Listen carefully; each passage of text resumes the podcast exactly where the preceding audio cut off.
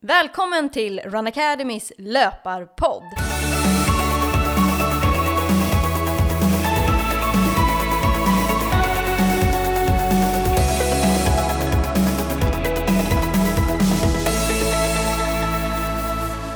Det här är podden för dig som gillar löpning.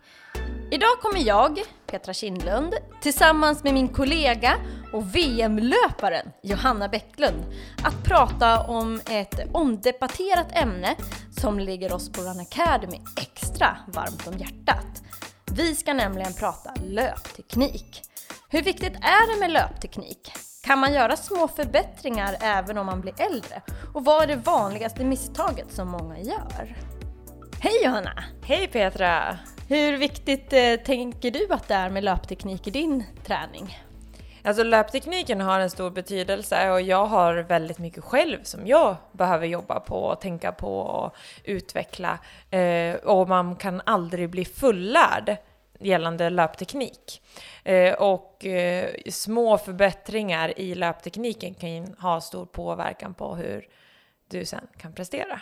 Mm. Och bli mer effektiv. Alltså mycket handlar ju om att du blir mer effektiv i din löpning med en bättre löpteknik. Mm. Verkligen. Eh, det som är lite intressant är att jag har ju hållit på med löpning i stort sett hela mitt liv och körde mycket friidrott när jag var ung och gick friidrottsgymnasiet och eh, tävlade och sen och tävlade i USA. Och eh, på den tiden, det var inte så mycket fokus, man pratade löpteknik för just löparna, utan det var mer attityden att ja, men det är bara att springa så kommer löptekniken automatiskt. Eh, jag tror jag aldrig faktiskt har blivit filmad av en enda tränare av mig där de har pratat löpteknik. Eh, däremot så var det alltid mycket fokus på sprintarna. Där var det jättefokus på löpteknik.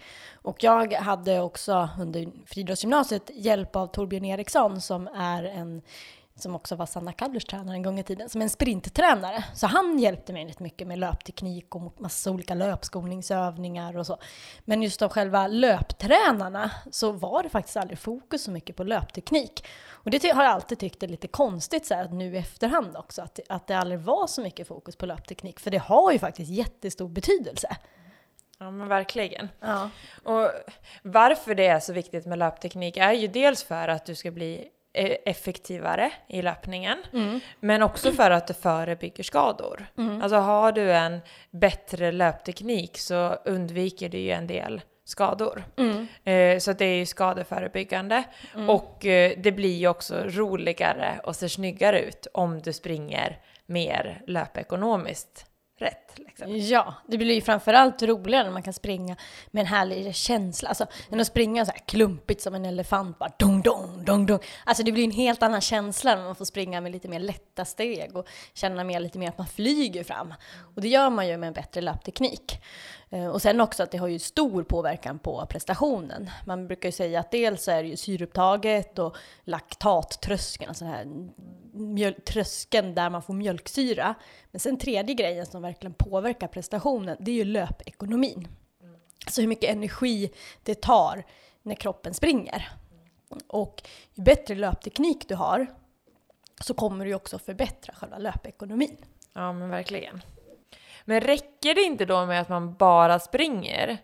För eftersom att man har sett att, att liksom, genom att springa så förbättrar det ju din löpekonomi. Mm, alltså det gör man ju verkligen, att man, av att bara springa får man också en bättre löpteknik automatiskt. Men i många fall så kanske det inte räcker att bara springa, utan man måste börja tänka lite också på vad man ska justera. Och sen är det ju också så att, eh, många av oss sitter ju inte löptekniken naturligt för att vi har kanske inte sprungit hela livet. Om man börjar, många barn kan man ju se att de springer ju oftast väldigt fint, många, om, om de rör sig liksom mycket och sådär. Så då ser man ju att de ofta springer naturligt fint. Men sen blir det som att man mer sitter och går och inte springer någonting eh, på flera år. Och sen ska man börja springa, då blir det ju mer som att man typ gå springer. Ja men exakt. Man gör ju lite som när man är ute och promenerar. Och ja. det blir de här långa stegen. Ja. Eh, man blir mer sittande i löpstilen också. Exakt. Så framför allt också om man inte har sprungit hela livet, då är det ännu viktigare att faktiskt fokusera på löptekniken. Medan ju mer man har sprungit, desto mer kanske man får också en löpteknik som sitter, eftersom att ju mer man springer, desto bättre löpteknik får man också. Mm. Eh, men vad skulle du säga är bland de vanligaste misstagen som många gör när det kommer till löpteknik? Men det vanligaste är nog just det där att man kommer från det att man har suttit mycket och gått mycket och så tar man tänker man att man ska ta så långa steg som möjligt för att komma framåt fort. Och när man tar de här långa stegen så, så landar man långt framför kroppen. Och det är svårt att liksom för att landa långt framför kroppen så behöver du ha ganska raka ben, vilket gör att du liksom får dra igenom hela kroppen till nästa steg, så du får liksom ingen effektivitet i steget, utan det blir mer så här att det bromsar upp, alltså du kanske landar lite mer på hälen, som blir liksom som en stöt, så det blir liksom som en kraftig stöt för varje steg du tar framåt. Och du får jobba ganska långt igenom steget för att komma, och då hamnar du ganska långt ner, som att du sitter ner istället för att få den här kraften att landa under kroppen.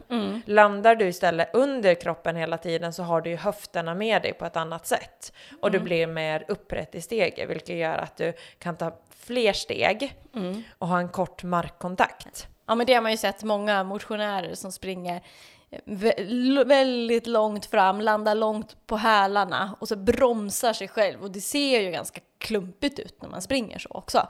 Och det borde göra rätt ont. Jag tänker framförallt för knäna, när man belastar eh, med, att landa på hälarna så långt framför kroppen, att det borde göra ont. Belasta knäna rätt hårt där. Ja men exakt, och då, det blir ju så att man kanske inte är tillräckligt stark alla gånger i höfterna. Eh, och eh, om du inte är tillräckligt stark i höfterna orkar du inte hålla upp höfterna, Nej. vilket gör att du blir mer sittande. Eh, och sen kan det också ha, ha att göra med mage-rygg, alltså hållningen. Att Precis. du behöver ju ha en, en, en, en liksom stark mage och rygg för att orka hålla upp dina höfter. Så du behöver dels träna höfterna men du behöver också träna mage och rygg för att orka ha en upprätt hållning och inte bli sittande. Så där är det ju väldigt mycket man kan göra just Mm. för att komma upp. Och en annat vanligt fel är ju att man ser ju många som sitter mycket framför datorerna och så blir man lite så här ihopsjunken. Och så tar man med den där hållningen ut när man ska springa. Att man blir väldigt ihopsjunken och det blir rätt, det ser ju rätt tungt Det blir nästan jobbigt att andas när man springer så. Eh, och, och så här gäller det verkligen att man, man ska ju vara stolt när man springer och få upp bröstet och tänka att man har ett rep som drar en uppåt. Ja men just det där att om man spänner sig, det blir lätt så att man kanske spänner sig i axlarna. Man drar upp dem, man är lite spänd från sitt arbete just med att man har jo- jobbat mycket framför datorn. Så är man span- spänd och då när man spänner sig så får du ju, då kan du ju bara andas uppe i liksom i halsen nästan uppe i bröstet men du vill ju få ner andningen i magen och då Precis. måste du ju slappna av. Armarna och överkroppen ska ju vara väldigt avslappnad så att du får energin. Alltså armarna ska ju bara gå bak fram hela tiden så att du känner att du får energi från armarna. Just det. Där är det rätt intressant om man kollar på de absolut bästa sprinters. Om man ser en så här närbild i slow motion så kan man nästan se hur kinderna rör sig. Eh, ser, lite så stilstudio. Jag ser bilden framför mig, jag vet inte om du gör det, men du vet, Jo. här, kinderna bara bom, bom, bom. Allt bara fladdrar. Ja, det, det är svårt att förklara här i, i ord. Ehm, men, men just det gör det ju för att, för att de är så otroligt avslappnade. För det är ju liksom nyckeln i löpning. Att, ju fortare man ska springa, desto viktigare är det just att vara avslappnad. Ja men verkligen. För spänner man sig bara lite grann, då är det ju onödiga muskler som blir spända och som används som inte behövs när man egentligen ska springa. Sen är det ju så att armpendlingen är något som man ser ganska mycket. Har man inte sprungit på ett tag så blir det ofta så antingen så drar man, har man armarna ganska stillastående eller ganska raka armar, att man inte använder dem så mycket, de bara hänger. Eh, eller eh, mycket bollsporter, det vet jag själv som spelar mycket innebandy, att jag roterar armarna ganska mycket. Just det. Just för att man är vana i till exempel innebandy att rotera från sida till sida. Så blir det lite så när man pendlar armarna också, att det blir en rotation i sidled istället för bak fram. Just det. Vilket är något som, man, som även jag får jobba väldigt mycket för. Att få just den där effekten, att man vill få armarna i den riktning man sen också vill få löpsteget. För annars blir ju hela rotationen i höfterna också Precis påverkar. Do you wanna be a bad man? Yes you do. Do you wanna taste sweet salvation underneath the summer moon? Do you need another hand now? Yes you do. Go see Miss Joseph.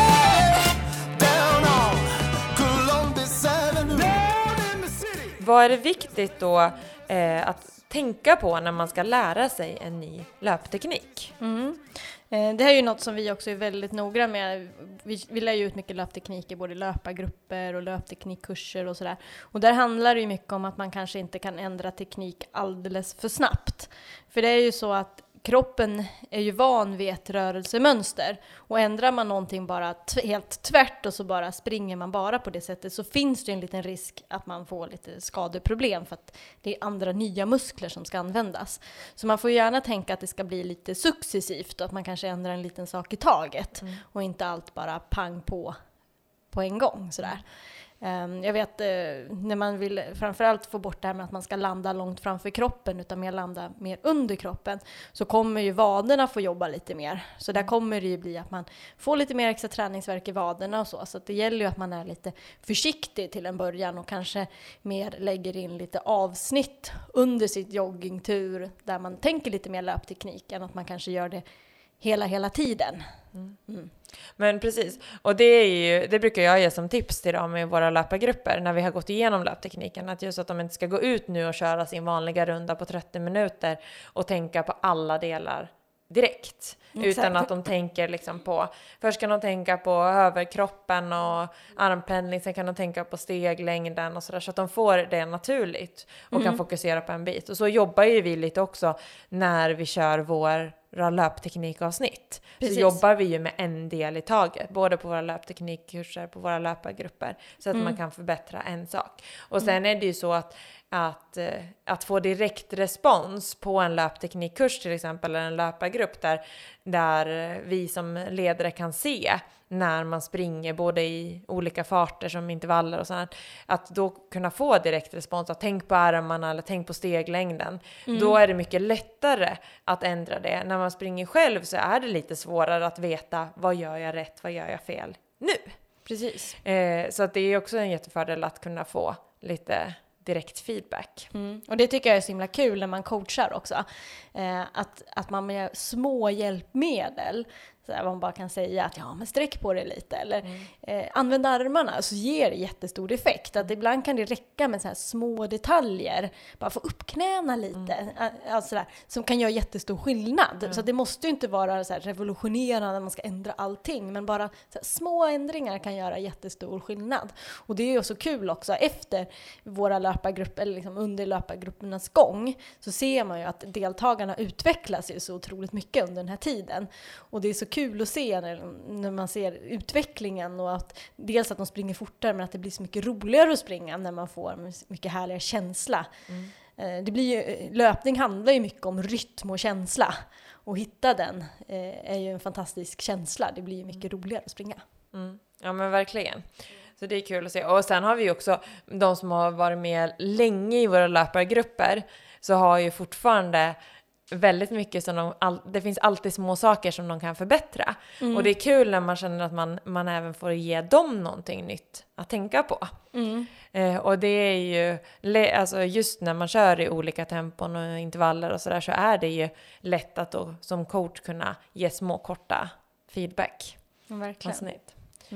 Men eh, för att just få de här rörelsemönstren eh, mer invanda så brukar ju vi göra något som vi kallar för löpskolning. Precis. Och vad är egentligen löpskolning, Petra? Mm, löpskolning skulle jag säga kommer från, egentligen från friidrotten. Eh, Jag körde det väldigt mycket när jag var ung, drillades. Eh, Och det är olika övningar som man gör eh, för att överdriva löpsteget åt olika håll kan man säga. Som är jättebra för att öva upp koordinationen så att man lär sig behärska kroppen. Eh, men också öva upp eh, styrkan, jobba jättemycket med vader. Eh, så man får starka vader av de här typen av övningarna. Och det kan ju vara en, en av de enklare övningarna är ju att man jobbar med höga knän. Och här vill man ju gärna att det inte ska gå så fort framåt utan mer att man jobbar som en symaskin. Korta, korta steg men högt med knäna, knölift framåt. Och det gäller också samtidigt att få med en bra hållning och jobba på med armarna. Eh, och sen finns det ju, vi har väl, alltså det finns ju typ 30-40 olika övningar vi brukar köra. Det finns ju jättemånga olika varianter av och mer avancerade övningar. Men mycket handlar det om att man ska hitta rätt koordination och rytm. Och ibland kan det ju vara bra att göra svårare saker än att springa för att lära sig att springa om man säger så. Ja men verkligen, det är ju ett sätt att överdriva Mm. alla rörelser som man sen vill få in. Och det blir ju också så här, alltså som barn så eh, i och med skolgymnastiken så får du ju utmanas att göra olika idrotter, du får göra olika rörelser.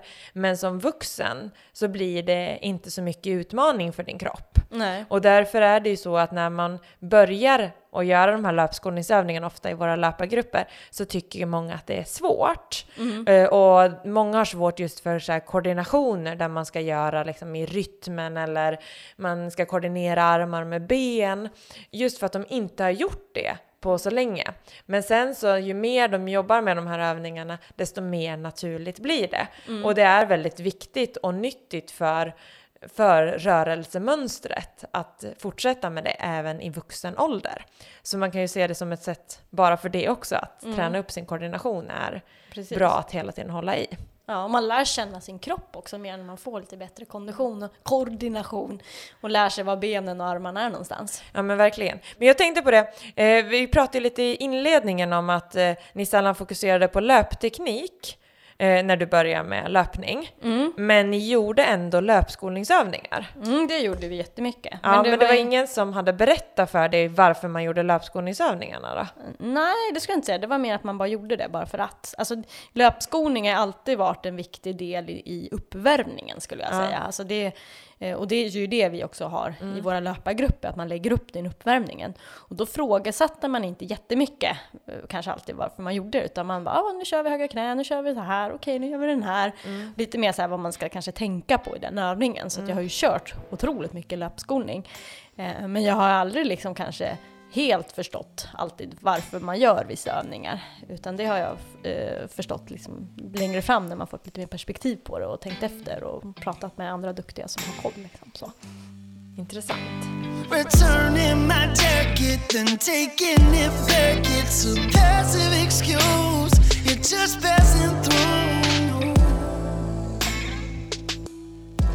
I våra löpargrupper så jobbar vi ju jättemycket med löpteknik. Kan inte du berätta på vilket sätt vi jobbar med det?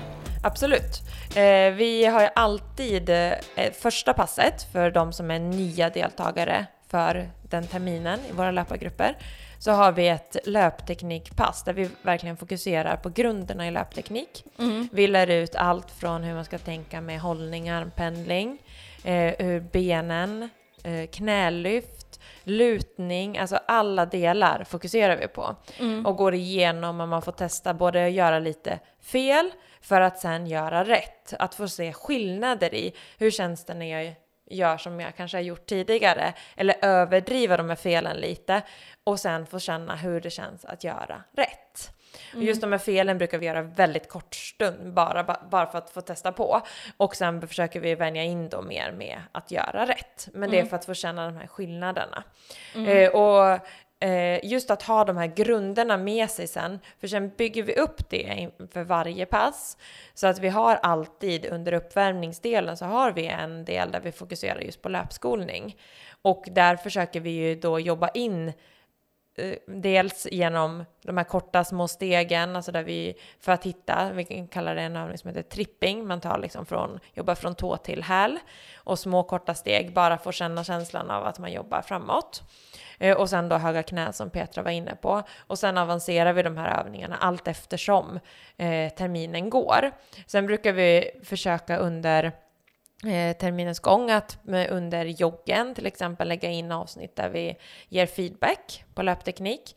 Alltid på intervaller vill vi att ledarna ska eh, fokusera mycket på att ge feedback på löptekniken. Alltså självklart heja på och peppa, men också ge feedback. Och det är därför vi försöker springa med deltagarna eh, och att vi försöker, vi vänder ofta på intervallerna just för att det som ska vara lättare för dig som coach att hinna se alla deltagare. Vi jobbar också i små grupper, så även om vi är på vissa orter 150 deltagare så delar vi in grupperna så att vi helst inte ska vara så mycket mer än 15 stycken i varje mindre grupp. Så att man har en ledare på cirka 15 stycken som hinner se då allihopa.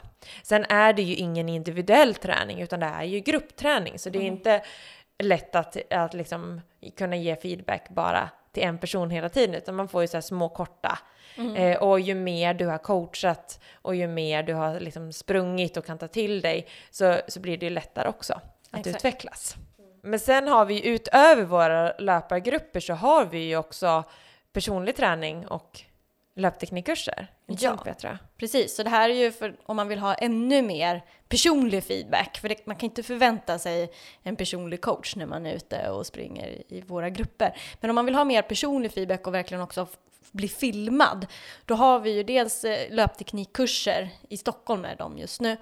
Och eh, sen har vi ju också personlig träning så man kan vara med och få med lite mer personlig feedback. Eh, sen har vi ju också om man inte kan vara med i våra löpargrupper eller vara med i våra, eh, få de här, gå de här kurserna eller så, så har vi ju också en medlemssida där vi har eh, med filmer förklarar mycket på vad man kan tänka på eh, just när det kommer till löpteknik. Så där kan det också vara värt att kolla, även om det är svårt eh, kanske att se på sig själv vad man ska ändra, så vet man i alla fall för vi har väldigt tydliga filmer som förklarar löptekniken, så vet man vad man kan ändra och vad man ska tänka på så blir det också lite lättare. Ja men verkligen. Eh, sen är det ju, alltså, det är ju svårt, som vi har varit inne på lite innan, att det är svårt att ändra på löptekniken.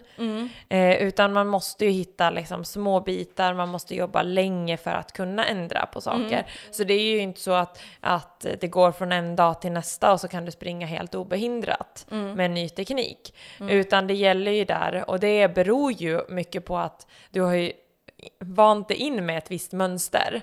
Och kroppen är ju så, det är samma sak som du, när du lär dig cykla, det är inte så att du glömmer bort att lära dig cykla.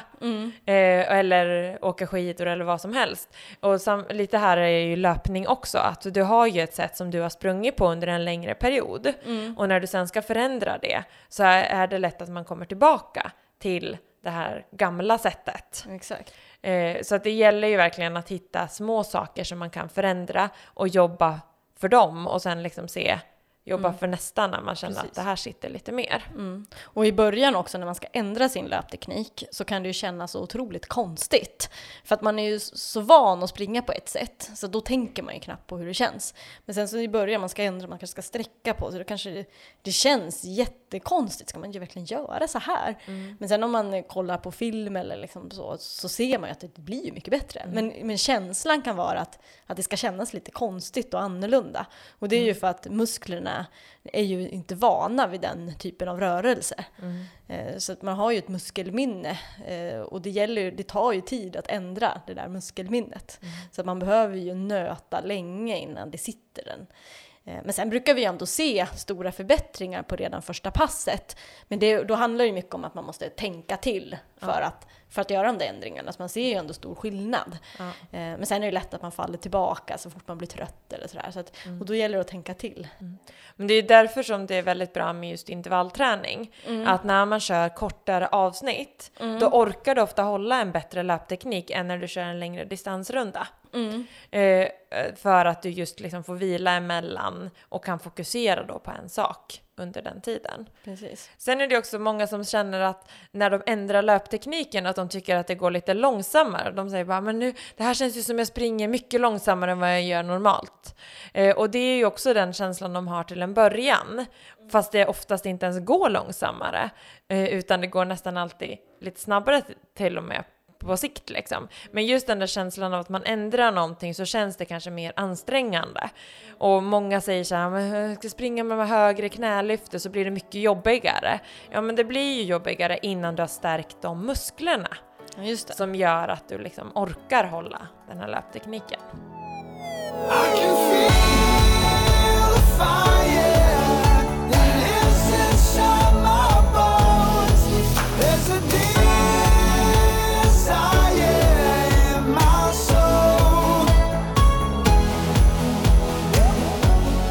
Något som har varit väldigt hett, het debatt eh, kring, i alla fall för några år sedan, det var ju kring det här med barfotalöpning. Eh, Att man ska springa barfota, att det ska vara en extra fördel. Eh, Har du testat någon så här barfotalöpningsskor någon gång Johanna? Nej, det har jag inte gjort. Jag har testat minimalistiska skor, alltså Ja. som haft väldigt liten sula. Eh, men jag har inte testat barfotaskor. Nej. Eh, har du gjort det? Nej men jag, jag tror ju inte riktigt eh, på den melodin riktigt. Att, eh, eh, att springa med det. Eh, jag tror att det belastar kroppen lite för mycket att springa helt barfota skor, så det har jag har inte riktigt testat heller. Men däremot har jag sprungit en hel del barfota, så att man har testat efter, man kanske sprungit så här gräskoordinationer med barfota, just för att det finns ju en liten fördel av att springa barfota, att då blir det lite mer naturligt att man kanske landar, lite lättare att landa under kroppen. Eh, men sen har jag också sett att att även om man springer barfota så är inte det bara lösningen för att man ska få en bra löpteknik. Det räcker ju inte bara att ta av sig skorna och byta skor och tro att nu får man en bra löpteknik. Jag har ju sett så många exempel på man har tagit av, eller springer med de här barfota skorna och fortfarande springer och landar långt framför kroppen. Så det är ju inte så enkelt att man bara tar av sig och byter skor och så blir det en bra löpteknik. Nej, men så är det ju. Och just det där att det kan ju, det kan ju mer göra skada än nytta också. Eftersom att många då kanske springer på hårt underlag. Eh, och eh, det blir ju en mer belastning. Alltså är man inte van med det och springer liksom med sådana barfotaskor så får du en mycket högre belastning på kroppen. Just det. Vilket gör att det kanske riskerar att skada dig. Ja, och sen framförallt också om man springer fel. Alltså om man springer de här och landar långt framför kroppen med sådana typer av skor. Då, gör, då belastar det jättemycket för då har du ju ingen stötdämpning överhuvudtaget vid hälarna. Liksom. Nej. Eh, Så jag tycker att man verkligen ska vara försiktig med sådana skor. Jag vet att det finns vissa som har testat och verkligen tycker att det, att det har varit bra. Eh, Men om man inte har... Man, man, man kan lära sig att springa med bra löpteknik utan att springa i sådana typer av skor. Ja men verkligen. Eh, Men när vi ändå är inne på så här skor och sådär. Det har ju varit mycket så att man ska landa på foten, eller man ska landa hälen. Alltså hur skulle du säga vad som är viktigt, hur man ska landa på foten? Alltså det viktigaste egentligen är ju att man landar under kroppen. Och om du landar under kroppen så landar du ju mer mitt på foten. Alltså det är inte så att du behöver landa, många blir ju att när de tror att de ska landa under kroppen så landar de på tårna, alltså springer på tårna istället. Och springer du på tårna så blir det väldigt jobbigt. Och det alltså dels för vaderna men det blir också väldigt stor belastning. Alltså du riskerar ju att, att få problem även andra i Benhinnor fötterna och- liksom och benhinnor och överallt. Eh, så att det du behöver tänka på är att du ska landa på hela foten fortsättningsvis. Men att landning, alltså du stöter i kanske mer på framfoten men sätter i hela foten. Så Ja. du känner att du får det här effektiva steget under kroppen. Precis. Men det är mer fokus på var foten träffar i marken. Alltså om man ser det så, liksom alltså att foten träffar under kroppen istället för framför kroppen är, ska ligga mer i fokus än var exakt du sätter i foten. Precis. Det kommer ganska naturligt om du hittar landningen. Ja. Och här gäller det ju därför att man inte tar för långa steg, som Ja. vi var inne på tidigare. Att många tar ju de här klumpiga stegen och då blir det ju lätt att man landar långt framför kroppen också. Mm, ja men verkligen. Sen är det ju lite skillnad, alltså just att springa till exempel i backar eh, kan ju vara en stor fördel att springa uppför. För om du springer upp för en backe, då är det svårt att ta för långa steg. Mm, just det. Att i en backe kan du få trä- alltså på ett naturligare sätt få in löptekniken. För att om du ska ta väldigt långa steg, landa på hälen i en backe, så blir det automatiskt bromsning. Du kommer inte så effektivt framåt. Utan i backen måste du automatiskt korta ner steget, höja på knälyftet och då hamnar, eh, hamnar ofta steget under dig lite mer.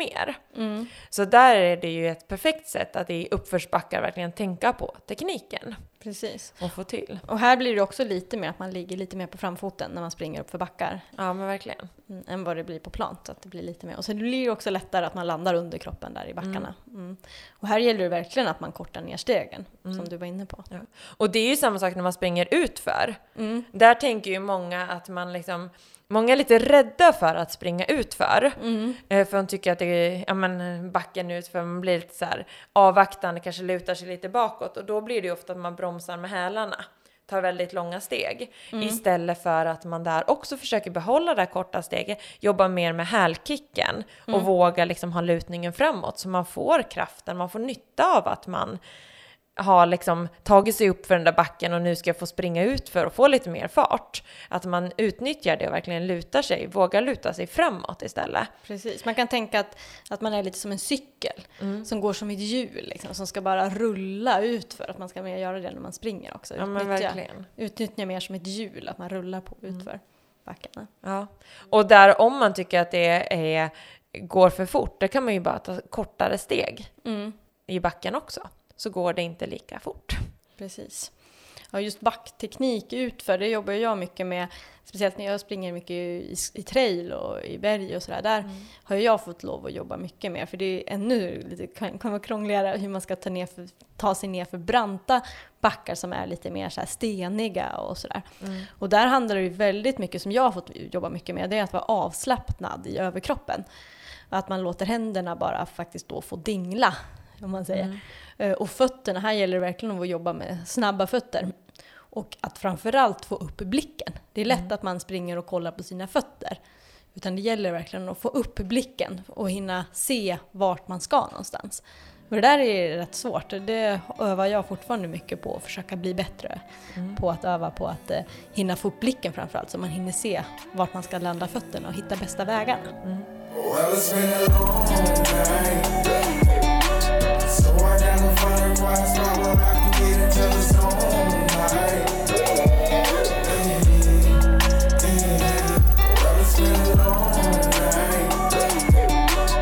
I I can get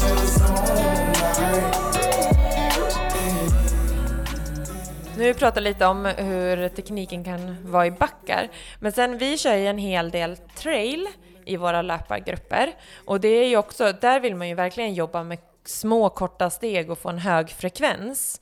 Eh, och det blir ju, många tittar ju ner i vart man ska springa, liksom titta precis på sina fötter istället för att titta, få upp blicken, små korta steg, se hindret, alltså se stenen framför sig, se roten så att man inte liksom stupar på roten när den precis är vid fötterna utan att man har blicken högt hela tiden och kan se vad som det kommer för hinder i skogen. Och här jobbar vi också med lite olika frekvensövningar just för att få upp snabbheten i fötterna. Både i framåt, bakåt rörelse, i sidled och sådär för att träna upp den här snabba frekvensen som man vill ha när man springer i trail och skogslöpning. Sen är det ju fler saker som kan hjälpa en för att få en bättre teknik. Eh, både styrka och rörlighet har ju stor betydelse för löptekniken. Mm, ja, verkligen. Och Och framförallt skulle jag säga att, att man som löpare inte glömmer kåren. Det är jätteviktigt för att få en bra hållning. Eh, om man missar kårstyrkan, så alltså mage, rygg, då blir det lätt att man får en lite sämre hållning och hela, att man sjunker ihop och blir lite mer sittande i löpsteget. Så, så det gäller ju här verkligen att, att träna upp kåren. Eh, men också höfter är viktigt att träna upp. Här kan det också bli lite att man om man är svag i höfterna, att man blir lite, att man lutar sig, blir lite sned i hela löpsteget. Eh, så här gäller det också att man tränar upp sin styrka. Och här har vi ju också våra pass på vår medlemssida som alla som springer i våra löpargrupper också får tillgång till. Eh, Där man får styrkepass där vi eh, med filmer, eller det är tydliga filmer, man bara trycker på play och följer våra instruktioner. Så det, det det är ett väldigt smidigt sätt att få in styrketräningen på, man kan köra hemma. Ja men verkligen. Och alla övningar där är ju oftast utan hjälpmedel. Precis. Så att du behöver inte ha något annat än dig själv. Kanske en stol eller några böcker eller någonting bara för att få lite extra vikt eller så. Men det är väldigt viktigt att hitta. Och det är bra att hitta sina egna svagheter. Det är man, där man själv är svag. Att man verkligen stärker upp det. För det är lite olika. Och det kan göra mycket för löptekniken. Sen är det ju samma sak lite med rörlighet. Alltså är du väldigt stel någonstans så är det ju svårt att ta ut rörelserna. Eh, Så det kan ju också hjälpa mycket att man jobbar med rörligheten i kroppen för att sen kunna få ut musklerna på ett annat sätt. Precis. Och rörlighet kan du också jobba mycket med hemma. Eh, att du behöver inte stretcha precis efter ett pass utan man kan jobba rörlighet hemma på kvällen framför tvn. Eh, och jobba där liksom. Vi har även lite yogapass som man kan köra eh, på vår medlemssida för att öka på sin rörlighet ytterligare. Mm, Du brukar ju vara duktig på att köra rörlighet. Du brukar ju köra på kvällar och lite... Jag gör så väldigt mycket rörlighet. Eh, och Och eh, det gör jag ofta så här kvällstid Mm. när eh, jag har lagt barnen och ska sätta mig ner framför tvn. Då kör jag, alltså jag stretchar lite i soffan och drar ut. Jag är oftast stel i baksida, alltså i sätet och ner mot baksida lår. Mm. Så jag försöker få ut mycket ur sätesmusklerna. Och när man sitter till exempel på golvet framför tvn och gör det, då håller man under en lite längre tid. Det. Vilket gör att man får ut muskeln lite mer ytterligare, alltså så här, kan dra till lite mer sen när man har blivit lite mjukare. Och jag tycker inte att, alltså det är aldrig så här att man inte kan stretcha ut en muskel även om man inte har tränat precis innan. Mm. Utan det kan man ju göra även när man är kall, som jag vet att många sa tidigare att man inte skulle stretcha när man var kall. Eh, men sen även höfter tycker jag.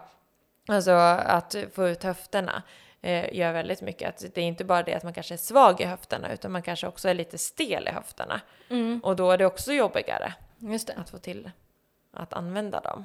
Mm. Så det, ja, det tycker jag är väldigt bra att jobba med. Jag brukar rekommendera deltagarna också i löpargrupperna att göra det hemma när vi har stretchat lite grann efter passen.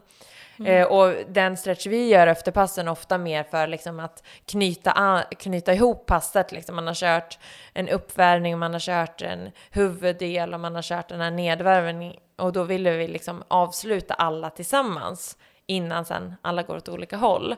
Eh, och då är en stretch naturlig del. Även om det kanske mest är att man drar ut musklerna lite grann.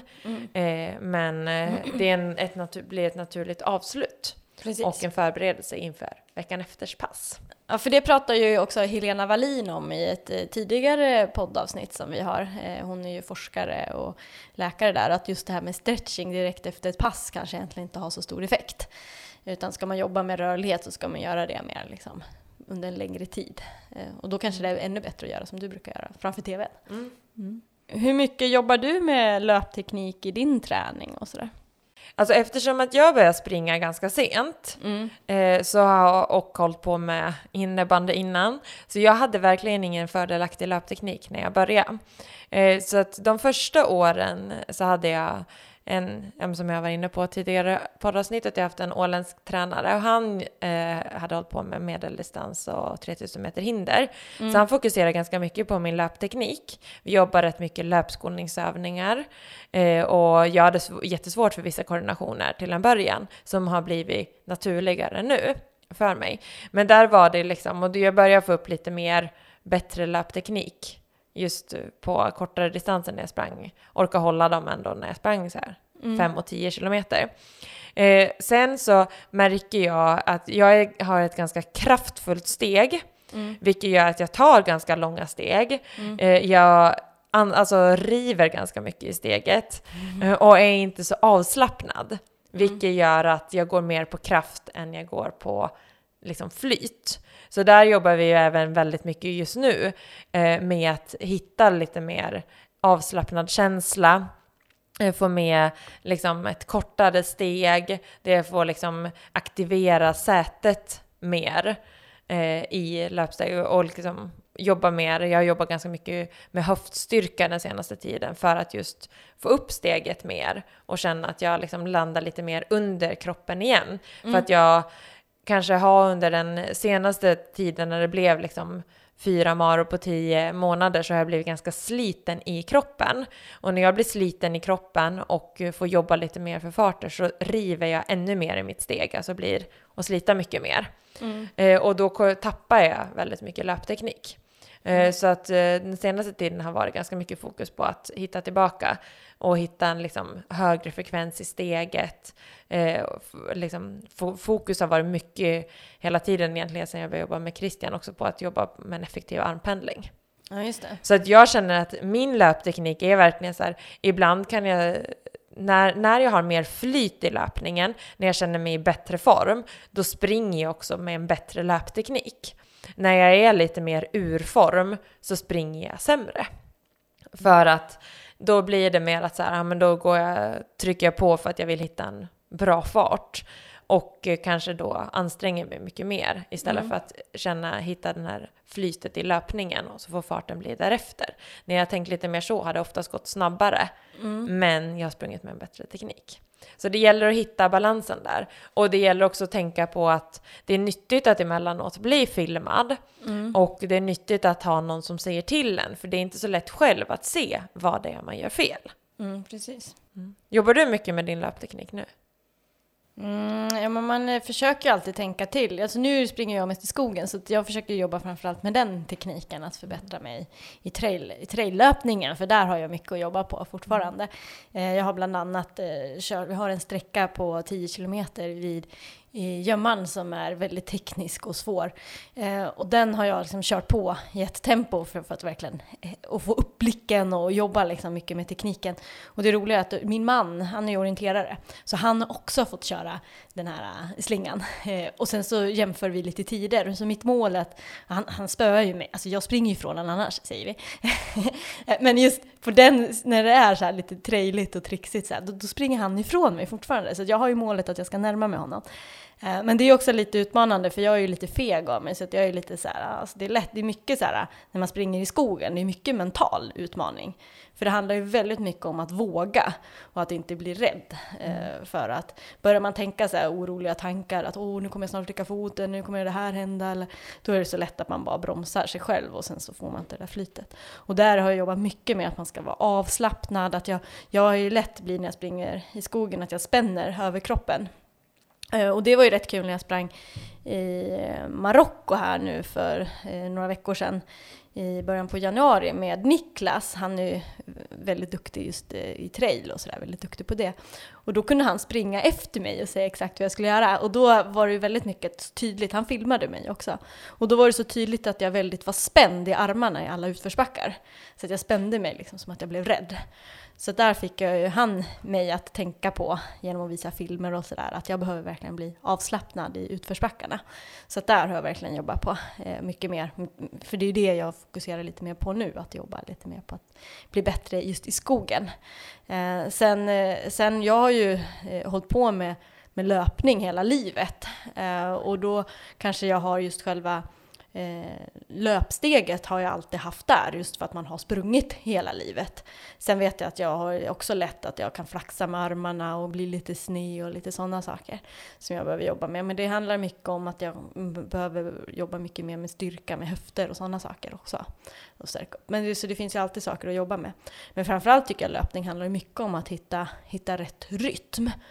Eh, att jag vet att de lopp jag har sprungit som bäst då har man ju inte tänkt så mycket utan man bara hittar en rytm där allt bara kommer automatiskt på något sätt. Och att man är avslappnad. Mm, det är en häftig känsla. När man hittar det. Men just verkligen. avslappning, det är ju viktigt att man springer. Alltså. Ja, och att fokusera just på den här känslan. Om man får den så är det, ja, det driver en långt. Mm. Och vill du hitta den där härliga känslan och få lite hjälp med din löpteknik och få springa med andra, utmanas och springa i olika farter så ska du verkligen vara med i våra löpargrupper som startar nu under vecka 12. Så att det är alldeles strax som vi kör igång igen. Eh, vi kommer ha 15 härliga pass tillsammans under 13 veckor. Så det är 13 pass som går på ordinarie träningsdag och sen har vi två extra insatta pass under terminen.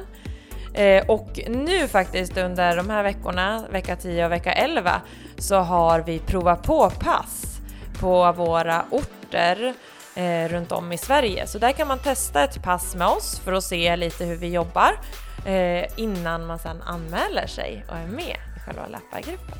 Mm. Vad roligt det ska bli att komma igång nu snart med grupperna. Jag Mm. tycker att det är så skoj. Jag har saknat dem under vintern.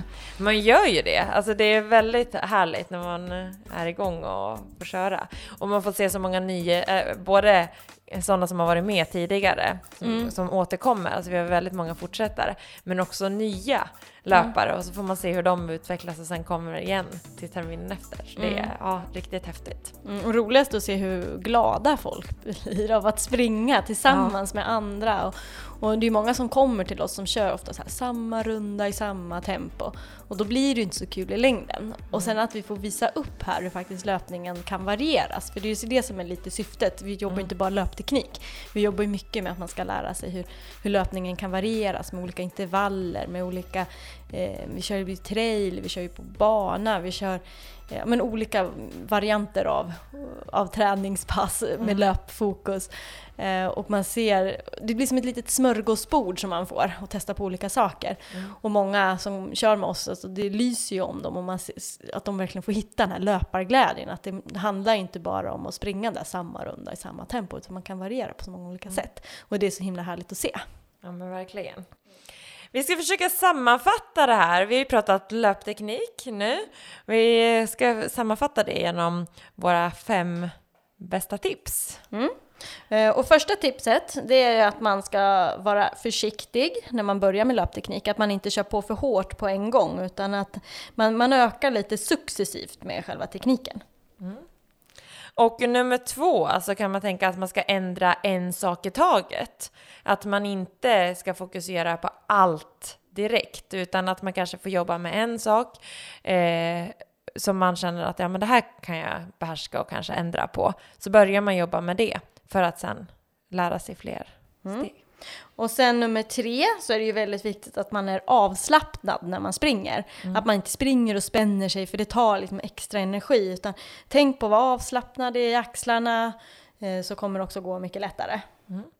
Och sen fyra, det är ju värt att tänka på sin steglängd. Alltså att man får det här eh, korta steget så man får hög frekvens i löpningen. För då får man också ett effektivare löpsteg. Mm. Och nummer fem att tänka på, nu har vi pratat eh, att det inte bara handlar om benen utan också om hållningen, att man får till en bra hållning. Eh, tänk på att du ska sträcka på dig, tänk på att du har en medalj som du är stolt över som du vill visa upp. Och att du har ett rep som drar dig uppåt. Lycka till nu med din löpteknik! Mm. Och spring snyggt nu där ute.